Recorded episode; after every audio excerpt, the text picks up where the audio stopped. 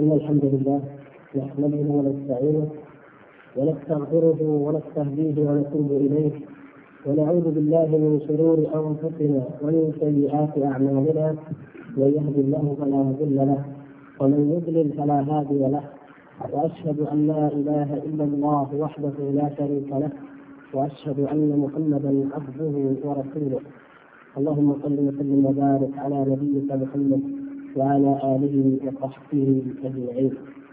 اللهم علمنا ما ينفعنا وانفعنا بما علمتنا إنك أنت العليم الحكيم. أما بعد أيها الأخوة الكرام فكما تعلمون جميعا أن الإيمان بالغيب هو الفارق بين الكافر والمؤمن بل هو في الحقيقة الفارق بين الإنسان والحيوان أو من هو أضل من الحيوان. الإيمان بالغيب هذه هي أكبر حقيقة يعيشها الإنسان. أكبر مسألة من مسائل الاعتقاد وأكبر قضية من قضايا العمل أيضا. أهل السنة والجماعة وهم أصحاب المنهج الثابت المعروف الذي يؤمن بكل ما جاء عن الله وعن رسول الله صلى الله عليه وسلم ويفهمونه الفهم السليم الصحيح الإيمان بالغيب عندهم يشمل القول والعمل يشمل إيمان القلب وإيمان اللسان وايمان الجوارح ومن ثم كان الإيمان بالغيب بهذه الحقيقة العظيمة وهو الذي جعله الله تبارك وتعالى أول وصف وصف به عباده في أول سورة من القرآن الكريم بعد الفاتحة. ألف ذلك الكتاب لا ريب فيه هدى للمتقين. الذين يؤمنون بالغيب. هذا أول وصف. وما بعد ذلك فهو تبع له. فإقامة الصلاة وإيتاء الزكاة والإيمان بالآخرة والإيمان بكل ما أخبر الله تبارك وتعالى به في كتابه أو أخبر به رسوله صلى الله عليه وسلم مما لا يعلم إلا من طريق الوحي. كل ذلك إنما هو تفصيل لما أجمل في قوله الذين يؤمنون بالغيب. فأول علامة من علامات المؤمنين وأول صفة من صفاتهم أنهم يؤمنون بالغيب. وهذا مفرق الطريق بينهم وبين الكافرين والملحدين والمنحرفين. وبقدر تفاوت الناس في في الإيمان بالغيب يكون تفاوتهم في الإيمان. وتكون منازلهم عند الله تبارك وتعالى وتكون مراتبهم في الجنة بقدر الإيمان بالغيب. لأنه كما قلنا إيمان يقتضي ويتضمن القول والعمل الاعتقاد والتطبيق والتنفيذ كل ذلك يدخل تحت الإيمان بالغيب. والانحراف الذي وقع فيه الناس في مسألة الإيمان بالغيب هو أكبر انحراف وأعظم ضلال. وكل من ضل في معرفة الله تبارك وتعالى كل من أشرك مع الله تبارك وتعالى غيره كل من أنكر الرسل وجحدهم وكذب ما جاءوا ما جاءوا به كل ذلك إنما هو لأنه لا يؤمن أو لم يؤمن بالغيب. إذا هذه القضية وهذه الحقيقة. والناس أيها الإخوة الكرام يتفاوتون كما قلنا في الإيمان بالغيب. هنالك أناس يؤمنون إيمانا نظريا عقليا مجردا بالغيب. وهذا حال أكثر الناس من المسلمين يؤمنون بالغيب.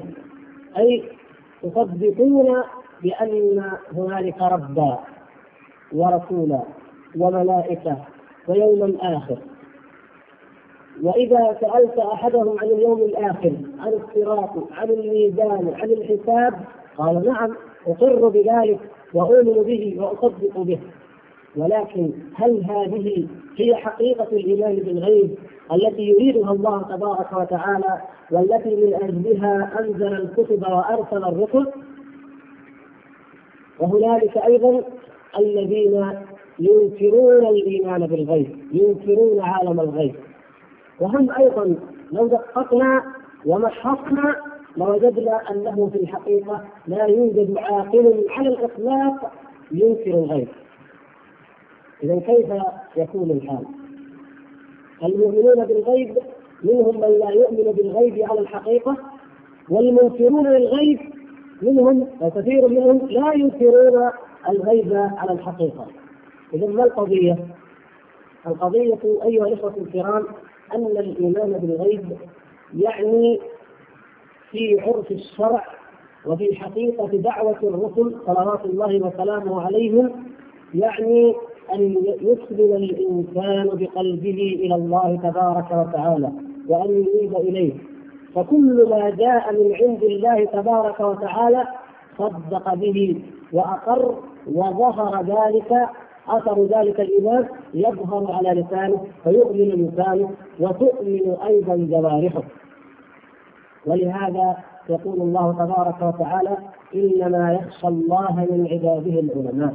العلماء الذين يؤمنون بالغيب على الحقيقة ويعلمون ويعرفون ربه سبحانه وتعالى ويعرفون صفاته على الحقيقة هؤلاء هم أكثر الناس خشية. وكانه لا يخشاه تعالى إلا هم. لأنهم عرفوه سبحانه وتعالى. أما مجرد الإقرار الذهني فقد كان موجودا حتى عند بعض العرب في الجاهلية. كان العرب في الجاهلية يؤمنون بشيء من الغيب. كانوا يؤمنون بالله. وجود الله تبارك وتعالى لم يكن ينكر في العصر الجاهلي بل ولا في سائر العصور. إلا عند طائفة شاذة مارقة مكابرة معينه. الإيمان بالبعث كان في العرب أيضا من يؤمن بيوم الحساب. مجرد إيمان. ورد ذلك في شعرهم كما قال زهير ومهما يكتب الله يعلم يؤخر فيوضع في كتاب فيدخر ليوم الكتاب أو يعجل فينقلب. كان العرب لديهم شعور وإحساس بأن هنالك عالما آخر وأنه قد يكون هنالك يوم آخر، ليست القضية قضية أنه هل يوجد أم لا يوجد يوم آخر. وإنما المسألة أن الإيمان بالغيب الذي يريده الله تبارك وتعالى على الحقيقة والذي من أجله بعث به الرسل وأنزل الكتب هذا هو محل النزاع لأنه يقتضي التسليم المطلق المجرد لله تبارك وتعالى والإنابة إليه بالقلب والإثبات إليه سبحانه وتعالى. ولذلك أنكر الجاهليون ما جاء به النبي صلى الله عليه وسلم من الوحي. أنكروا الوحي والوحي من الغيب. كيف ينزل كيف يتنزل هذا القرآن على هذا الرجل؟ لا يمكن ذلك. ولهذا قالوا إنما أنت مفتر. قالوا ساحر. قالوا كاهن. قالوا شاعر. قالوا إنما يعلمه بشر. قالوا أساطير الأولين اكتسبها فهي تملى عليه بكرة وأصيلا. لما كل هذا اللجج وكل هذا العناد حتى لا يؤمنوا بأن الله سبحانه وتعالى اختص هذا النبي الأمي بهذه الرسالة فانزل وأرسل إليه الروح الأمين بهذا الوحي. وما في ذلك؟ ما الذي في هذا مما يخالف الفطرة أو العقل السليم؟ لا شيء. ولكنه العناد والجحود. ومن قبل جحدت الأمم وعاندت. كما فعل ذلك فرعون وقومه. ولهذا أخبر الله سبحانه وتعالى عنه بقوله وجحدوا بها واستيقنتها أنفسهم ظلما وعلوا. وطمأن نبيه صلى الله عليه وسلم بذلك فقال فإنهم لا يكذبون ولكن الظالمين بآيات الله يجحدون. فإنهم لا يكذبون لا يعني إنهم لم يقولوا لك كاذب. قالوا ذلك قالوا إنك كاذب. لكن هم في حقيقة أنفسهم لا يعتقدون كذبك بل يعلمون في أنفسهم أنك صادق ولكن لهم جحود. إذا هل نفعهم هذا الإقرار القلبي المجرد؟ هذه المشاعر الذهنية العامة بان هنالك عالما آخر هو عالم الغيب بخلاف عالم الشهادة لم ينفعهم ذلك ابدا. والله تبارك وتعالى قد بين الأسباب التي تجعل المعاندين والمنكرين ينكرون عالم الغيب ولا يؤمنون بالغيب. يقول الله تبارك وتعالى في ذلك بل كذبوا بما لم يحيطوا بعلمه ولما يأتهم تأويله. هذه الآية لو تدبرناها وتأملناها وعقلناها فما هو الحال في سائر آية القرآن الحكيم؟ لوجدناها وحدها كافية لبيان أسباب ضلال هؤلاء القوم. بل كذبوا بما لم يحيطوا بعلمه ولما يأتهم تأويله. كذلك كذب الذين من قبلهم. فانظر كيف كان عاقبة الظالمين. السبب الأول من أسباب التكذيب ورد ما جاءت به الرسل من أمور الغيب أنهم لم يحيطوا بعلمه. كما قال تبارك وتعالى عنهم بل ادارك علمهم في الآخرة بل هم في شك منها بل هم منها عمون. فهذا هذا السبب. أي أن الناس عادة يريدون أن يصدقوا فقط أو كثير منهم يريد أن يصدق فقط بماذا؟ بما يمكن أن يعلمه أو أن يستدل عليه أو أن يصل إليه بفكره وعقله. هذا الشيء الأول بل كذبوا بما لم يحيطوا بعلمه. والسبب الآخر ولما يأتهم تأويله. النوع الآخر أو سبب آخر أن الناس يصدقون بالمشاهد المحسوس ويكذبون بالغيب المحسوس. ولما يأتهم تأويله والتأويل كما تعلمون له معاني في هذه الآية ولما يأتيهم تأويله التأويل هنا بمعنى الوقوع. وقوع حقيقة الشيء المخبر عنه سابقا. كما قال يوسف عليه السلام هذا تأويل رؤياي من قبل يعني هذه حقيقة الرؤيا لما أن وقعت. كانت في عالم الغيب رؤيا أخبر بها. فلما أن تحقق ذلك لما أن رفع أبويه على العرش وخروا له سجدا كان ذلك وقوع الرؤيا هو تأويل الرؤيا. ذلك هذا تأويل الرؤيا. فهم يريدون أن يقع. يريدون أن يروا الملائكة. يريدون أن يروا الله تبارك وتعالى. يريدون أن يروا الجنه والنار. فإذا رأوها آمنوا. سبحان الله.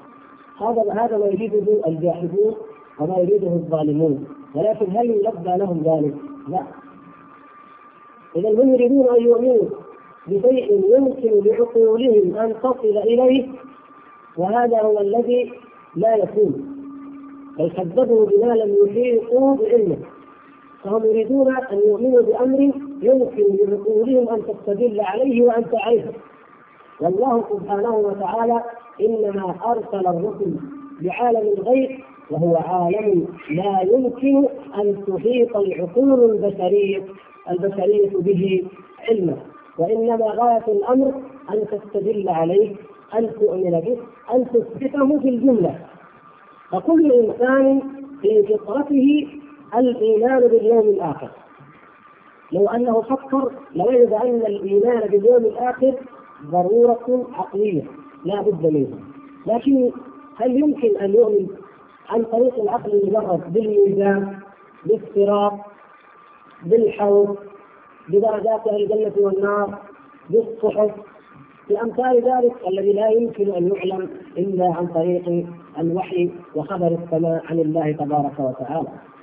اذا هذا الذي يريد الناس أن يحيطوا به علما لا يمكن أن يكون عالم الغيب بهذه المثابة بل لا يمكن أن يكونوا مؤمنين ويكون عبيدا لله سبحانه وتعالى إلا إذا آمن هؤلاء العبيد بما أمر به الله وصدقوا بما أنزله الله سبحانه وتعالى وإن لم يكن مما تدركه عقولهم وتحيط به. فليس من حقك اذا أيها الإنسان أيها المخلوق الضعيف العاجز السليم ان لا تؤمن إلا بما أدركه علمك وأحاط به فكرك وهذا الكلام عندما نعرفه ايها الاخوه الكرام لنبين أسباب تكذيب الكفار فإنما نبين هذه الحقيقة لأن في المنتصرين إلى الإسلام من الفرق الضالة وأصحاب الانحراف في القديم والحديث من وقع في هذه القضية والوجودية وقع في هذا الخلل وفي هذا الخطأ وفي هذه الشبهة المشركية نفسها. والوجودية والأمر وقضية أخرى ولما يأتيه تأويله الذين يقولون لا نؤمن إلا بما نشاهده وبما نحس به وبما نراه فإذا وقع آمنوا. لا ليس الأمر كذلك. وإلا فإن فرعون آمن لما أن أدركه الغرق. بل كل محتضر تأتيه الملائكة لتقبض روحه يؤمن حينئذ. ولكن هل ينفعه الإيمان في تلك اللحظة بالذات؟ لا. إن الله تبارك وتعالى يقبل توبة العبد ما لم يغرغر هذا من رحمة الله سبحانه وتعالى. ما دام الإنسان في عالم الشهادة ولو كان على فراش الموت ما دام في عالم الشهادة فإن الله سبحانه وتعالى يقبل إيمانه ويقبل توبته. وهذا من فضله سبحانه وتعالى ومن سعة كرمه وجوده أنه يعطي الإنسان المهلة ليتوب إلى آخر تلك اللحظات. لكن إذا عاين الحق إذا حضر الموت قال إني تبت الآن؟ لا ليس لهذا الإنسان توبة أبدا. لماذا أيها الإخوان؟ هذا الإنسان لم يعد مؤمنا بعالم الغيب، لم يعد من المؤمنين بالغيب، أصبح مؤمنا بعالم الشهادة لأنه رأى الملائكة عيانا امامه. اذا ما الفرق بينه وبين الكفار حينما طلبوا أن يروا ربهم أو يروا الملائكة، هذا هو الحال، اذا لم يعد هناك إيمان بالغيب فلا إيمان اذا فلا توبه. وحتى الجنس الانساني البشرية كلها أيضا هذا حالها وهذا شأنها.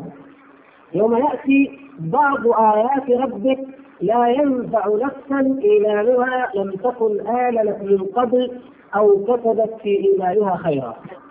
الإنسان بمفرده إذا حضرته ملائكة العذاب لا ينفعه الإيمان إذا غرر لا ينفعه الإيمان. العالم الإنساني بأكمله إذا احتضر إذا جاءت النهاية الحتمية لهذه الدنيا وما عليها وآذن الله تبارك وتعالى بانقضاء هذا العالم وجاءت العلامات التي جعلها الله تبارك وتعالى حدا فاصلا بين هذه الدنيا وبين الدار الآخرة. جعلها مقدمات لليوم الأكبر يوم الفزع الأكبر. هنالك أيضا لم يعد الأمر أمر إيمان بالغيب بل أصبح ايمانا بالمحسوس. وهذا الحديث آه هذه الآية ورد صح الحديث في تفسيرها بأنه طلوع الشمس من مغربها. إذا طلعت الشمس من مغربها لم يعد ينفع نفسا إيمانها لم تكن آمنت من قبل أو كتبت في إيمانها خيرا. لأن النبي صلى الله عليه وسلم قد أخبر بذلك. والناس يعلمون أن هذا من أعجب ما يرون وأبعد ما يمكن أن يقع. فإذا وقع وقال الناس هذا ما أخبر به الرسل. هذا ما أخبر به محمد صلى الله عليه وسلم. الآن نؤمن به بعد ماذا؟ بعد أن تطلع من المغرب تؤمنون به لا ينفع الإيمان حينئذ. يأتي المؤمن ويقول الآن اتوب ما بعد طلوع الشمس من مغربها مازال المعصية. يقال له لا لا ينفع نفسا ايمانها لم تكن آمنت هذه الحالة أو لم تكن كسبت في إيمانها خيرا هذه الحالة الثانية. فإذا يجب على الإنسان أن يؤمن بعالم الغيب في عمره المحدود قبل تلك اللحظات وكذلك يجب على الإنسانية جمعاء على البشر أجمعين أن يؤمنوا بالله سبحانه وتعالى ويؤمنوا بما أنزله من الغيب قبل أن تطلع الشمس من مغربها وأن يتوبوا إلى الله تبارك وتعالى. الإيمان بالغيب هو شامل لكل ما جاء وصح به كل ما جاء في الكتاب وصح به الخبر عن رسول الله صلى الله عليه وسلم. الإيمان بالله تبارك وتعالى والإيمان بملائكته وكتبه ورسله واليوم الآخر والإيمان بالقدر والإيمان بالجنة والنار وتفسير ذلك كله من الإيمان بالغيب وبهذا فسر الآية الذين يؤمنون بالغيب فسرها الصحابة الكرام كابن مسعود وابن عباس وفسرها أبو العالية وقتادة وغيرهما من السلف. أن ذلك يعني كل أمور الإيمان وكل أمور الغيب. والذين ينكرون الغيب إنما اشتهر أمره وظهر وأصبح ظاهرة عالمية في العصر الحديث.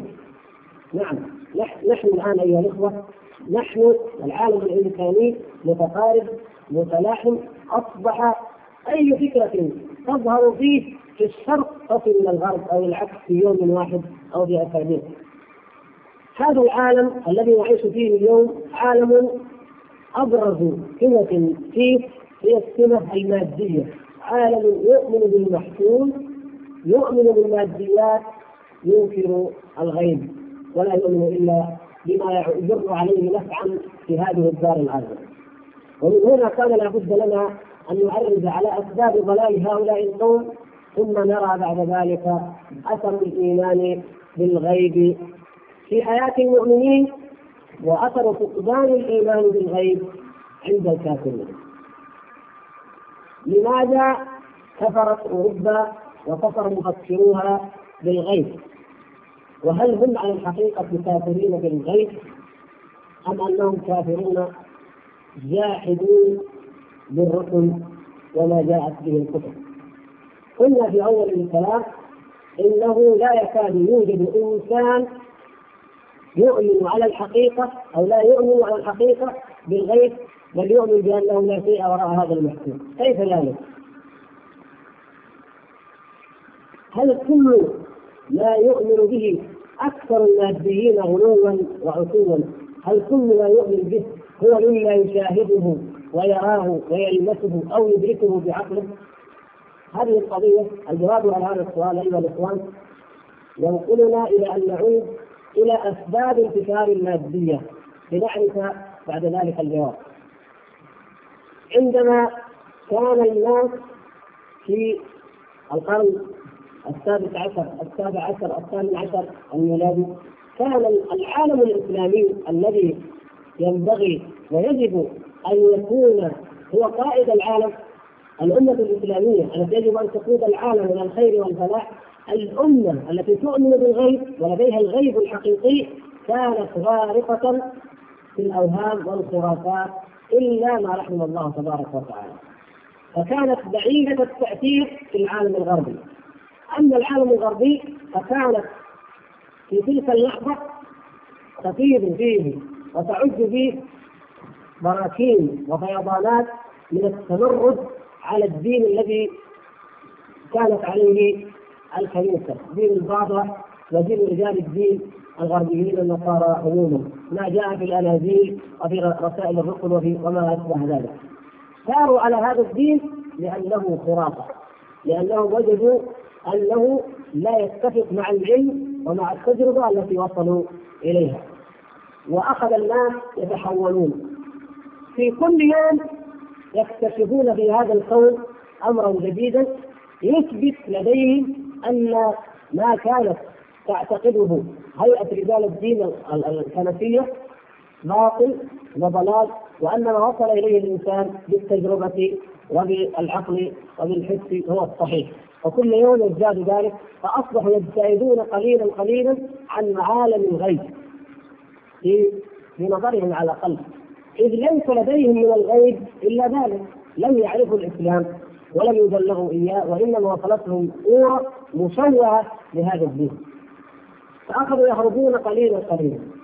أخذوا ينقلون إيمان الناس من الإيمان بالغيب إلى الإيمان بالمحسوسات المظهره هذه النقطة التي نريد أن نصل إليها. فكان الرجل المادي يقف ليخطب أو يتكلم ويدعو الناس يا ناس آمنوا بالحقائق ولا تؤمنوا بالخرافات. ما هي الحقائق وما هي الخرافات؟ يقول لهم الحقائق هي هذه الأمور المشاهدة. ترون السماء ترون الجبال ترون الأرض ترون ترون هذه الأشياء المادية. هذه حقائق موجودة آمنوا بها آمنوا بهذه الماديات وجربوا واخترعوا واكتشفوا. أما الغيب فهو ما يسمى الرب. رب يسوع عندهم طبعا ما يسمى ما جاء في اناجيل عن اليوم الآخر. ما جاء فيها من معجزات. ما جاء فيها من أخبار. كل ذلك لا تؤمنوا به ولا تصدقوه لأن العقل والعلم ينفيه. وكان الناس يحتارون.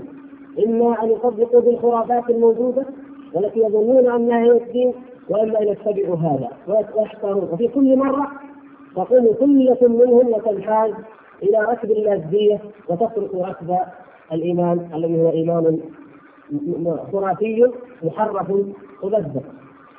ومع الزمن أصبح الناس يظنون أنه لم يعد هنالك من داع إلى الإيمان بالغيب مطلقا وإنما على الإنسان أن يؤمن بهذه الماديات المحسوسه ولكن ما الذي جرى؟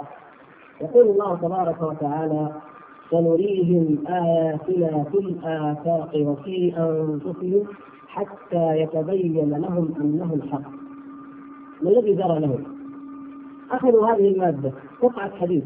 أخذوا قطعة الحديد يؤمن بالحديد نعم لماذا؟ لأنه موجود محسوس آمنوا بالحديد. صنعوا منه ما صنعوا واخترعوا ما اخترعوا وفعلوا ما فعلوا. بعد ذلك يأتي السؤال المحير الذي لا بد منه ولا بد أن يطلع على ذلك البشر وهو ما هو هذا الحديث؟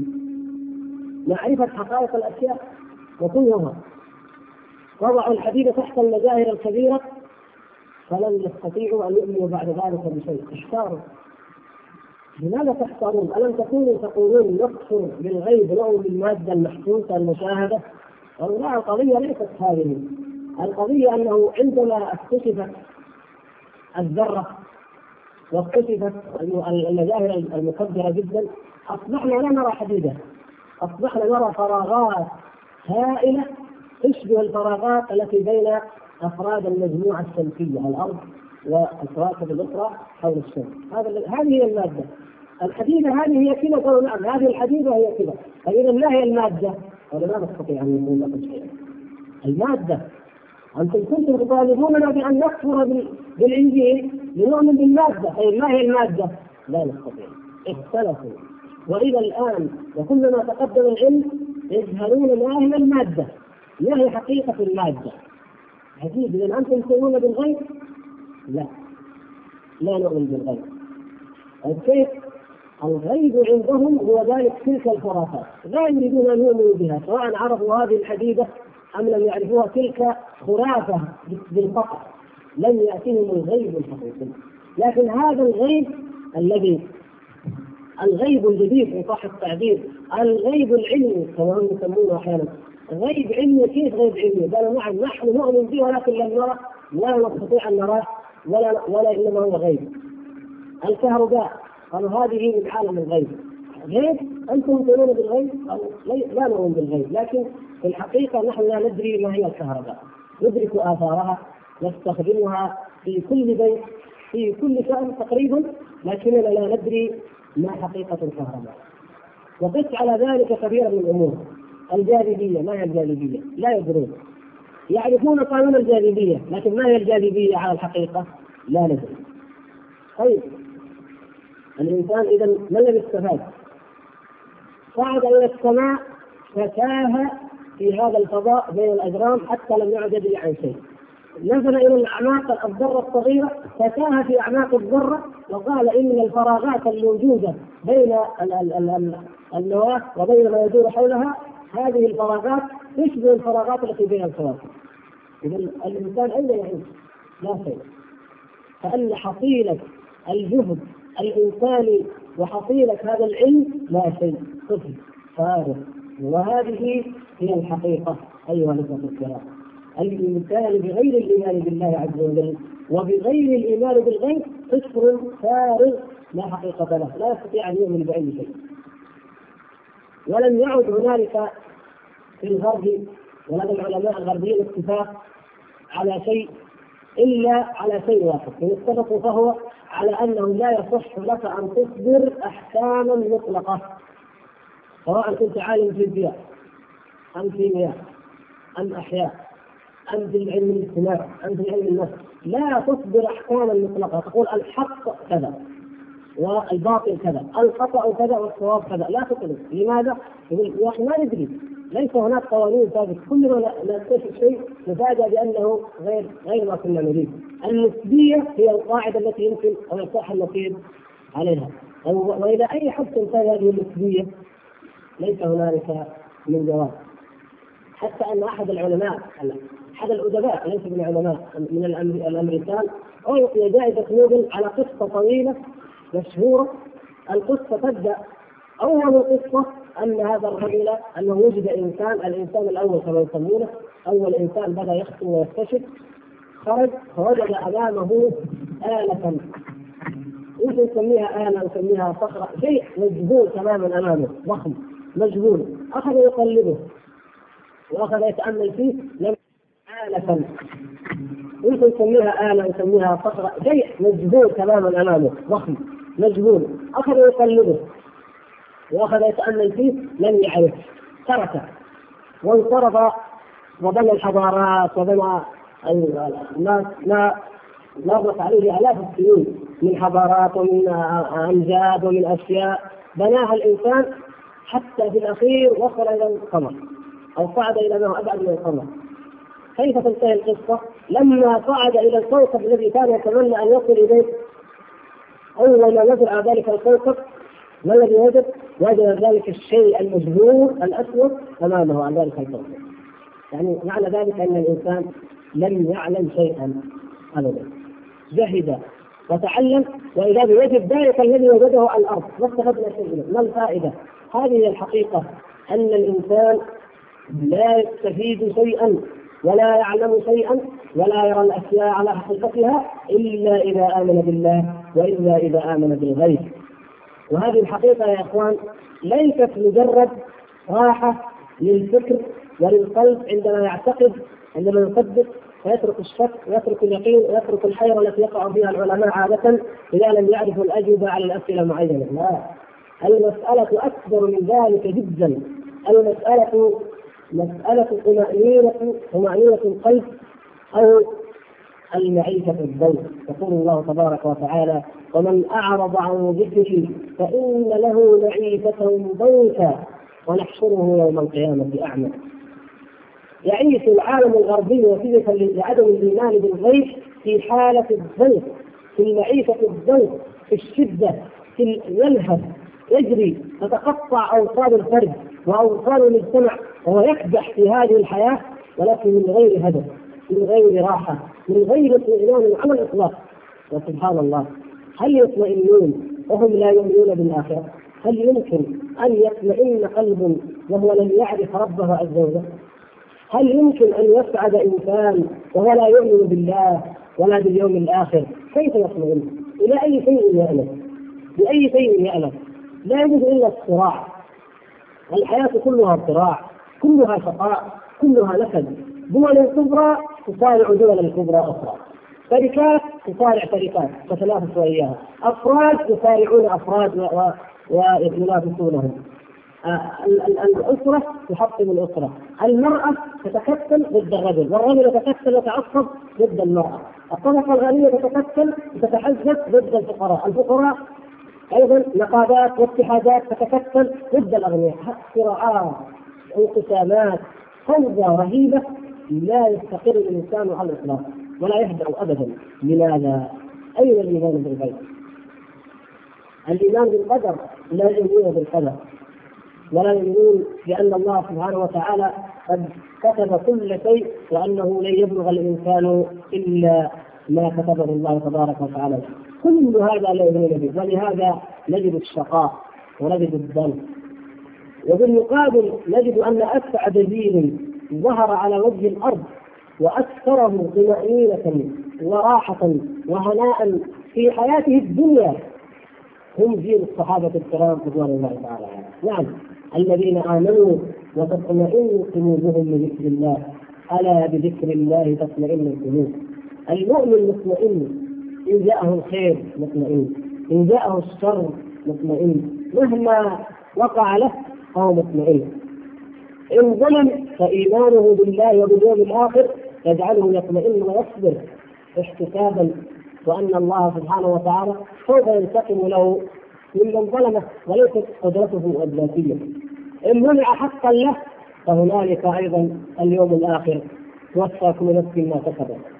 أيضا عالم الدنيا هذا مهما تمر يصبر عند الإنسان عندما يؤمن بعالم الغيب. ما قيمة الدنيا عند المؤمن الذي يؤمن بأن موضع صوت في الجنة خير مما طلعت عليه الشمس سبحان الله اذا لماذا نتصارع على هذه الدنيا؟ لماذا لماذا نتطاحن؟ لماذا نتساحن؟ لماذا البغضاء؟ لماذا الأحقاد؟ لماذا العداوات؟ تطمئن نفس المؤمن ويرتاح ان راى الكفار أو الفجار أو الظلمة أخذوا ما أخذوا هدأ واستقر واطمأن وإن أعطي حمد الله سبحانه وتعالى ولم يشغله ذلك عن اليوم الآخر وعلم أن هذا متاع ثاني زائل وأنه إن تمتع بشيء منه فهو أن يتذكر متاع الآخرة فيجتهد وليعمل لها وليؤجر على هذا العمل لأنه مشروع لأنه عفى عن المأمور لأنه عف نفسه في هذه الشهوة مثلا أو عف أهله إن كانت شهوة مال وما أشبه ذلك فيعيش الإنسان والمجتمع المسلم في طمأنينة كاملة وما ذلك إلا نتيجة الإيمان بالله سبحانه وتعالى والإيمان بالغيب. حقيقة أن ضيق الوقت أيها الإخوان آه، يضطرنا إلى أن ننتقل إلى الإجابة على الأسئلة وما عرضنا إلا أساس الحقائق التي يجب علينا جميعا أن نعرفها في هذا المجال بالنسبة إلى هذا العالم. والذي يجب أن ننبه إليه هو أن الإيمان بالغيب يدعيه كما ذكرنا كثير من المسلمين ولكنهم يرفضونه وفي أسئلتكم ما يدل على ذلك وما ينبه إليه. يعني مثلا يقول الإنسان الأخ يقول الذي يترك الإنسان الذي يترك الأعمال بالاوامر والنواهي ويقول أنا مؤمن. ولو كان مؤمنا لاستعد إلى ذلك اليوم العظيم. فهل هذا بتقديره العملي يعتبر مكذبا للغيب؟ هذا في الحقيقة لا نسميه مكذبا بالغيب ولكن نقول إنه ليس مؤمنا بالغيب ايمانا حقيقيا ايمانا كاملا. لأن المؤمن بالغيب يظهر أثر ذلك على جوارحه وعلى أعماله. فالإيمان عند أهل السنة والجماعة ظاهر وباطن قول وعمل لا ينفصل أحدهما عن الآخر. وحسبنا في ذلك أن نعلم كيف آمن الصحابة الكرام بكل ما أخبرهم به النبي صلى الله عليه وسلم من الجنة أو النار وظهر أثر ذلك كما تعلمون وكما تقرؤون في حياتهم رضوان الله تعالى عليهم أجمعين. اليقين الذي استيقنوه كما قال علي رضي الله تعالى عنه قال رأيت الجنة والنار قيل كيف قال رأيتهما بعيني رسول الله صلى الله عليه وسلم. رأيتهما بعيني رسول الله صلى الله عليه وسلم. الذي قال الله تبارك وتعالى فيه ما زاغ البصر وما طغى. نعم ما زاغ البصر وما طغى. رؤية النبي صلى الله عليه وسلم من جنة والنار التي كانت ليلة الإسراء والتي كانت حتى في مرات أخرى حتى لما صورت له الجنة مثلت له الجنة والنار في الحائط.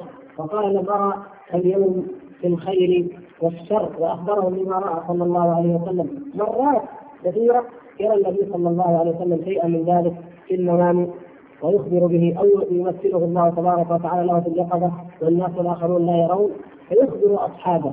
ينتقل هذا الإيمان مباشرة في قلوب الصحابة الكرام إلى خوف من الله. إلى خشية لله إلى تقوى إلى جهاد إلى إيثار للآخرة ورغبه فيها وعزوف عن الدنيا وعن شهواتها وعن مطامعها المحرمة إلى استقامة على دين الله سبحانه وتعالى إلى أمر بمعروف إلى نهي عن المنكر. هذا هو الذي يقتضيه الايمان الحقيقي بالغيب. والفقره الأخرى يقول الاخ هل ايمان المسلمين بالغيب نظريا وعدم تصديقه عمليا يعتبر من أسباب تخلفهم وانتقاصهم. عن خيريتهم التي ميزهم الله بها؟ نعم ما دام أن الإيمان بالغيب هو الإيمان بالله وملائكته وكتبه ورسله واليوم الآخر والقدر فبلا شك أن بعث إيمان المسلمين بذلك هو كل الأسباب هو السبب الأساس في الخطاب والتأخر الذي حصل بالمسلمين والضعف وتسليط الأعداء عليهم وتفرق كلمتهم وهوان أمرهم على الناس وحسبنا الله ونعم الوكيل. أخ يقول الإنسان آه، المسلم بطبيعته يؤمن بالغيب ولكن أحيانا يقع عليه إنكار باطني لبعض الغيب فما الحل؟ إن كان الأخ السائل يقصد الشك الذي يلقيه الشيطان والوسوسه فلا تبالي بها يا أخي. لأن الصحابة الكرام رضوان الله تعالى عليهم وهم أكثر الناس إيمانا من هذه الأمة. شكوا ذلك إلى النبي صلى الله عليه وسلم. وقالوا يا رسول الله إن أحدنا ليجد في نفسه ماء يصير حمرة يعني فحمة محترقة يود أنه أنه يكون فحمة محترقة ولا يتحدث به. فقال لهم النبي صلى الله عليه وسلم أو قد وجدتموه؟ ذلك محض الإيمان. أو قال ذلك صريح الإيمان. الحمد لله الذي رد كيده إلى الوسوسة الحمد لله. أن الله سبحانه وتعالى رد كيد الشيطان فلم يجعلنا نشرك لم يجعلنا مشركين. نشرك بالله عز وجل نكفر بالله ورسله وإنما رد كيده إلى الوسوسة. هذه الوسوسة نغفل وكلنا نغفل عن ذكر الله سبحانه وتعالى. فإذا غفل غير الإيمان في القلب فإن الشيطان يجد الفرصه يدخل فيلقي بشيء من الوسوسة. فإذا أفاق المؤمن تذكروا فإذا هم مبصرون. أفاق أفاق الإيمان. أعوذ بالله من الشيطان. كيف جعل الشيطان شككني في هذا أو وسوس بي بهذا؟ وتركه وألقاه. وذهب واستمر في طاعة ربه وبالإيمان به هذه هذا نوع من الجهاد وهذا يعطيه بإذن الله مناعة. يأتيه مرة ثانية مرة ثالثة انظر إلى إنسان ترد تطرد ثلاث مرات. إذا جاءك المره الرابعه تكون أقوى منه. لو غلبت إنسان ثلاث مرات يأتيك المره الرابعه لا تبالي به لا تنظر إليه لقد غلبت عده مرات. وهذا من فضل الله علينا. الإيمان يزيد وينقص. فنحن إذا جاهدنا الشيطان ورددنا هذه الوسوسة بالإيمان الصادق فإنها تصبح فلا شيء. ولهذا جهد الشيطان أن يرد الصحابة الكرام إلى الشرك ولم يستطع ذلك سبيلا لما ان رسخ الإيمان في قلوبهم. وهذا ما يجب أن يكون عليه جميع المؤمنين. فإنما يحاول الشيطان اذا في القلوب المؤمنة. ولهذا لما قيل لبعض السلف لماذا يوسوس المسلمون ولا يوسوس اليهود والنصارى في صلاتهم. قال وما يصنع الشيطان بالبيت الخرب اليهود والنصارى. لماذا يوسوس لهم الشيطان في صلاتهم؟ أن صلوا أو لم يصلوا. لا صلاة لهم ولا إيمان لهم ولا عمل لهم. فماذا يفعل بهم الشيطان؟ تبعهم. لكن المسلم المؤمن قد ترفعه هذه الصلاة درجات عالية عند الله سبحانه وتعالى. وقد لا يكتب له منها إلا العشر. وربما لا يكتب له منها شيء. إذا إذا ها هنا الامتحان. ها هنا عمل الشيطان. عند هذا الذي قد يرتقي به الإيمان إلى درجة العليا فيوسوس إليه حتى يضعف ويهبط ويضعف ذلك الإيمان أو يذهبه وأما إن كان الأخ يقصد أن هناك من ينكر بعض أمور الغيب فنعم هذا موجود. من الناس من ينكر السحر مثلا أو ينكر أن النبي صلى الله عليه وسلم بالذات قد سحر. وأنا لا أصدق. لا عقلي عقلي لم لم لا يقتنع بان الإنسان يمكن أن يسحر أو عقلي لم يصدق بان النبي صلى الله عليه وسلم سحر وهكذا بعضهم يقول عقلي كما تقول الأباضية من الخوارج وكما يقول المعتزلة. يقولون العقل لا يصدق بأن الميزان آه، له كفتان تنزل فيهما الأعمال. لا يمكن.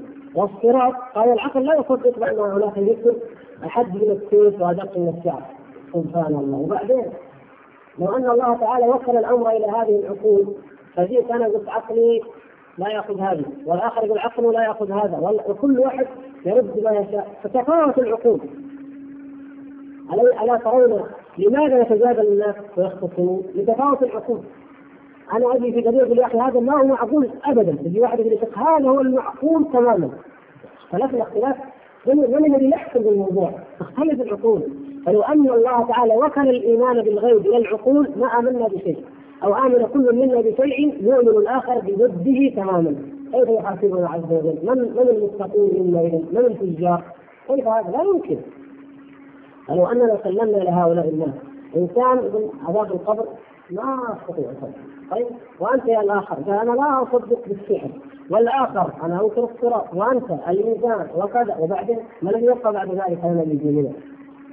المؤمنون ما هو شانهم مع ربهم مع رسولهم صلى الله عليه وسلم. كيف كيف أخبر الله تعالى عنهم؟ فلا وربك لا يؤمنون حتى يحكموك فيما شجر بينهم. ثم لا يجدوا في أنفسهم حرجا مما قضيت. ويسلموا تسليما. لا بد أن نسلم بكل ما يحكم به الرسول صلى الله عليه وسلم. وبكل ما يحكم به الله. الحكم القدري والحكم الشرعي. يعني الأخبار والأوامر والنواهي. كلها يجب أن نؤمن بأحكام الله سبحانه وتعالى التي أنزلها في كتابه أو على لسان رسوله صلى الله عليه وسلم. والا فلا إيمان اذا لا معنى الإيمان اذا وكثير من الناس يثيرون بين الحين والحين قضايا من هذا الشأن. وما قضية يعني على سبيل المثال البسيط القضية التي تتردد هذه الأيام وهي ليست بذات الأهمية لكن التنبيه إليها يا إخوان ضروري. مثلا من الناس اليوم من ينكر أن الجن يتلبس بالإنس ويدخل فيه. وكتب بذلك سماحة الشيخ العلامة عبد العزيز بن عبد الله بن باز حفظه الله ونفعنا بعلمه وأتى بالأدلة والبراهين من الكتاب من ظواهر الآيات ومن السنة ومن فعل السلف والواقع المشاهد أيضا. ومع ذلك يقولون أنا عقلي ما يصدق أنا لا اتصدق سبحان الله. طيب أنت بهذا الكلام تفتح مجال لكل ذي عقل أو لكل من يدعي العقل. ولا فلا عقل لمن خالف الحق وخالف الوحي. كل من لديه مكتب أو يدعي أنه عاقل ينكر ما يشاء كما يشاء. يقول أنت تنكر السحر؟ طب أنا أنكر الشيطان بالكلية. أو أنت تنكر دخول الابليس الانسي أنا أنكر الوسوسة والشيطان بالكلية. هي آمن. هذا الإنسان يقع في حيره إن قال له يجب عليك أن تؤمن بهذا لأن الله أخبر به في القران ولأن النبي صلى الله عليه وسلم أخبر به في الأحاديث. قلنا وانت أيها الآخر لماذا أيضا ترد ما جاء في القرآن وما جاء في الحديث؟ وإن قال لذاك لا العقل يدل على وجود الشيطان. فإن ذلك إن لم يغلبه الملحد إن لم يغلبه فإنه سيحيره ولهذا قال شيخ الإسلام رحمه الله عن أهل الكلام لا للفلاسفة كفروا ولا للإسلام نصروا. ما ما نفعوا لا هنا ولا هنا لأنهم جاءوا استسلموا للمقدمات العقلية التي يحتج بها أولئك وبدأوا يجادلونهم على طريقتهم فضاعوا. لكن عندما يكون المعيار هو النص تقول له لماذا تنكر الشيطان؟ جاء في القرآن. خلاص إن كان مؤمنا، إن كان كافرا هذا القضية معه في آخر. إذا إذا كل ما جاء به الخبر وصح به الحديث فإننا نؤمن به. وإن قل وإن دق لكن لا لا نرده لأن رد الأمر الواحد يا إخوان ينبني عليه رد الشيء أضيف لكم أيضا مثال آخر وإن كان الوقت هناك من ينكر حديث الذباب مثلا.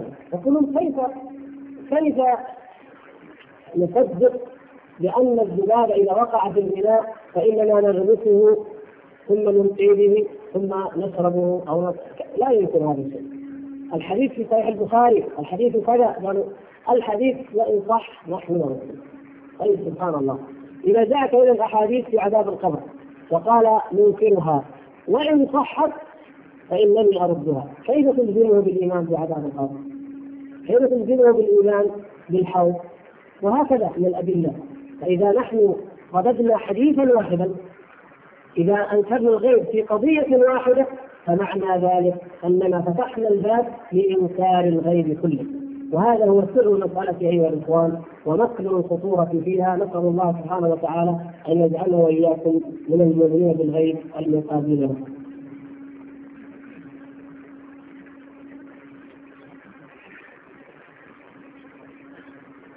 الاخ يقول آه قلت من خلال حديثك انها لا تقبل توبة المحتضر لأنه أصبح يؤمن بحياة الشهادة فلتتفضل بشرح هذه العبارة.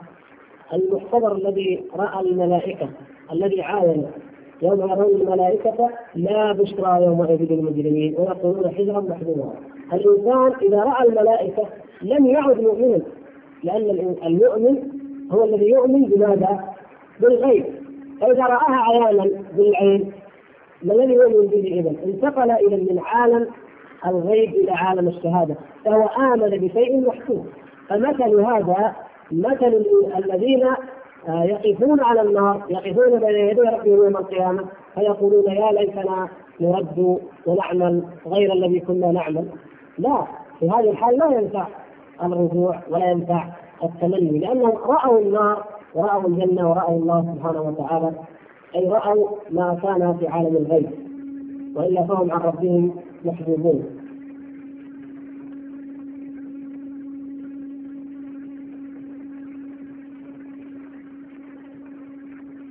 ما هو موقف العقلانيين من الايمان بالغيب وكيف يرد على من ينكر بعض المغيبات بحجة أن العقل ينكرها؟ أنت العقلانيون مدرسة في الأصل ظهرت بتأثير الفلسفة اليونانية تبناها المعتزلة والخوارج والرافضة أيضا كل المتكلمين. ثم ظهرت بشكل حديث في فكر الشيخ محمد عبده وجمال الدين الأفغاني ومن تقلد عليهما.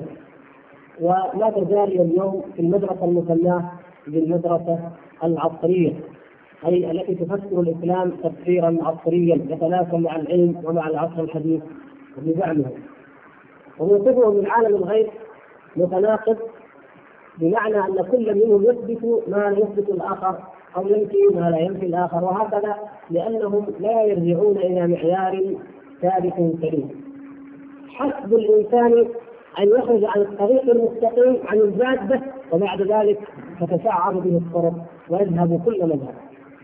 وهؤلاء ينكرون بعض الأشياء بحجة أن العقل أو أن العلم ينكرها وان صحت بها الأخبار. وهؤلاء يكفي أن يعلموا أن الله سبحانه وتعالى قال لرسوله صلى الله عليه وسلم قل إنما أنذركم بالوحي. الوحي من عند الله سبحانه وتعالى. لم يأتي النبي صلى الله عليه وسلم بشيء من عنده قط ولو أن العقول وحدها تكفي فلماذا يبعث الله تبارك وتعالى الرسل؟ ألم تكن فلسفه ارسطو وافلاطون وسقراط وأمثالهم؟ ألم تكن موجودة في العالم ومترجمة؟ فما الحاجة أن يبعث الله تبارك وتعالى الرسل لو أن الناس يستغنون بهذه الفلسفات؟ ولكنها فلسفات وثنية ضالة حائرة. يأتي فيلسوف فيهدم ما قاله الأول وكما قال السلف الصالح من جعل دينه عرضة للخصومات أكثر التنقل وقال الإمام مالك رحمه الله لأن يبتلى العبد من كل ذنب ما خلا الشرك بالله خير من أن يبتلى بعلم الكلام. بهذه العلوم نعوذ بالله. التي صرفت الناس عن الإيمان بالله سبحانه وتعالى والتسليم بخبره إلى القضايا العقلية الذهنية المجردة. والحقيقة أن العقلانيين المعاصرين وان كان الوقت يضيق عن شرح هذا الكلام هم في الحقيقة ما هم إلا امتداد للمذهب الذي ظهر في أوروبا وأشرنا إليه. الشيخ محمد عبد النقب وهو راس هذه المدرسة هو يعتبر تلميذ تلميذا للفلسفة الوضعية التي وضعها الفيلسوف الفرنسي المعروف اوغاست كونت. وهذا كونت وضع الفلسفة الوضعية وهي مبنية على أن العالم الإنساني تطور إلى ثلاث مراحل مرحلة السحر ثم مرحلة الدين ثم مرحلة العلم. والشيخ جاء ليوفق بين هذا الكلام وبين ما يعتقده من دينه فقال اننا الآن في المرحلة الجديدة يجب أن نصلح نحدث في الإسلام اصلاحا يجرده من كل ما يتنافى مع المرحلة الحديثة التي هي مرحلة العلم. ومن هنا أنكر الطير الأبابيل وأنكر آه، الشياطين أو الجن وأنكر ما أنكر وقد أفضى إلى ربه وقدم إليه ولا يستطيع المجال الافاضه أكثر من ذلك.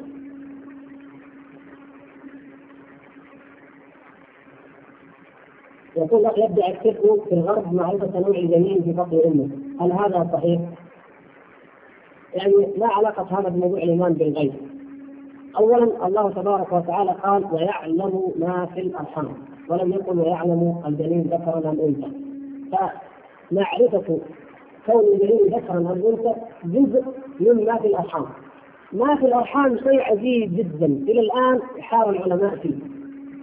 يحارون في الظلمات الثلاث يحارون في آه، عملية التحول من مرحلة إلى مرحلة. يحارون في أمور كثيرة لا تزال مثار البحث ومثار الجدل في في العالم الغربي في عالم الطب إلى الآن.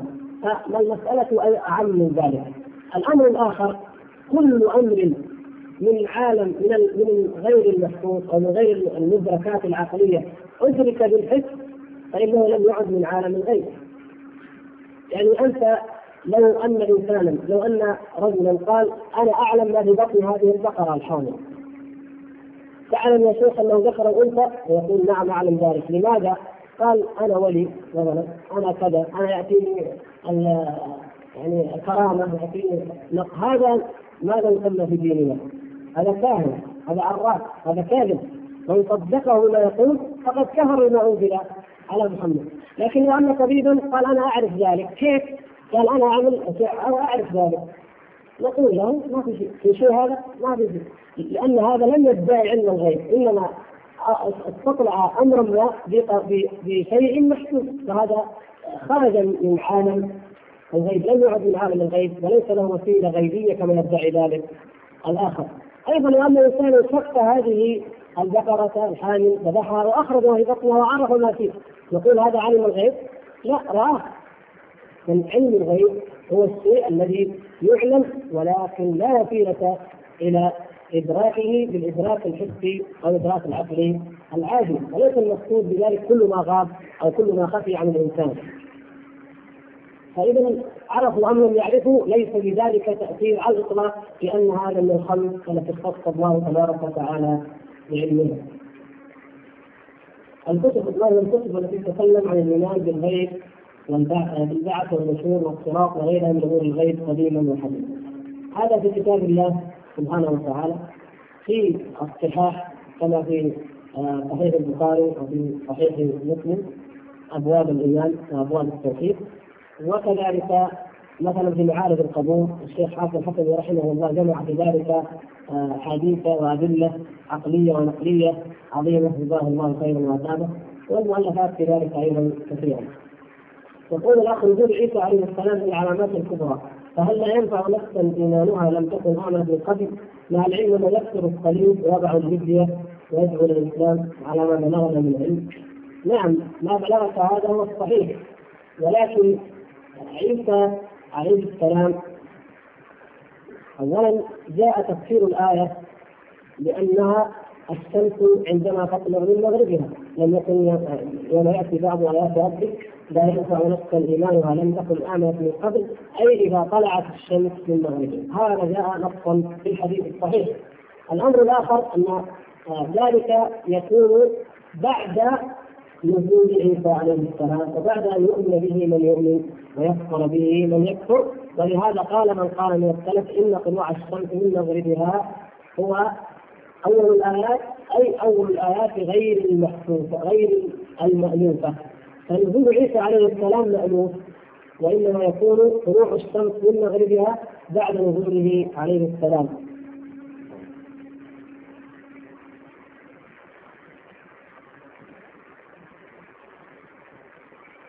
ما حكم من أدى بعض الأعمال الإسلامية ولم يشهد أن لا إله إلا الله وأن محمدا رسول الله بلسانه وهل يعتبر مسلما؟ هذا الذي لم يشهد أن لا إله إلا الله وأن محمدا رسول الله بلسانه لا يعتبر مسلما بإجماع أهل السنة والجماعة والسلف الصالح. لا يكون مسلما لا ظاهرا. ولا باطلا ولا يجري عليه أي حكم من أحكام الإسلام إلا بإعلانها كما قال صلى الله عليه وسلم أمرت أن أقاتل الناس حتى يشهدوا أن لا إله إلا الله وأن محمدا رسول الله. ويقيموا الصلاة ويؤتوا الزكاة. فإذا فعلوا ذلك عصموا مني دماءهم وأموالهم إلا بحق الإسلام وحسابهم على الله. فما لم يفعلوا ذلك الشهادتين الصلاة الزكاة فإنهم يقاتلون قتال رده يقول الأخ كما قال الشاعر تعدلت الأسباب والموت واحد. فهل يكون سبب من هذه الأسباب معارضا للقدر أم أنه موافق؟ وهل هذا السبب مكتوب بالله المحفوظ؟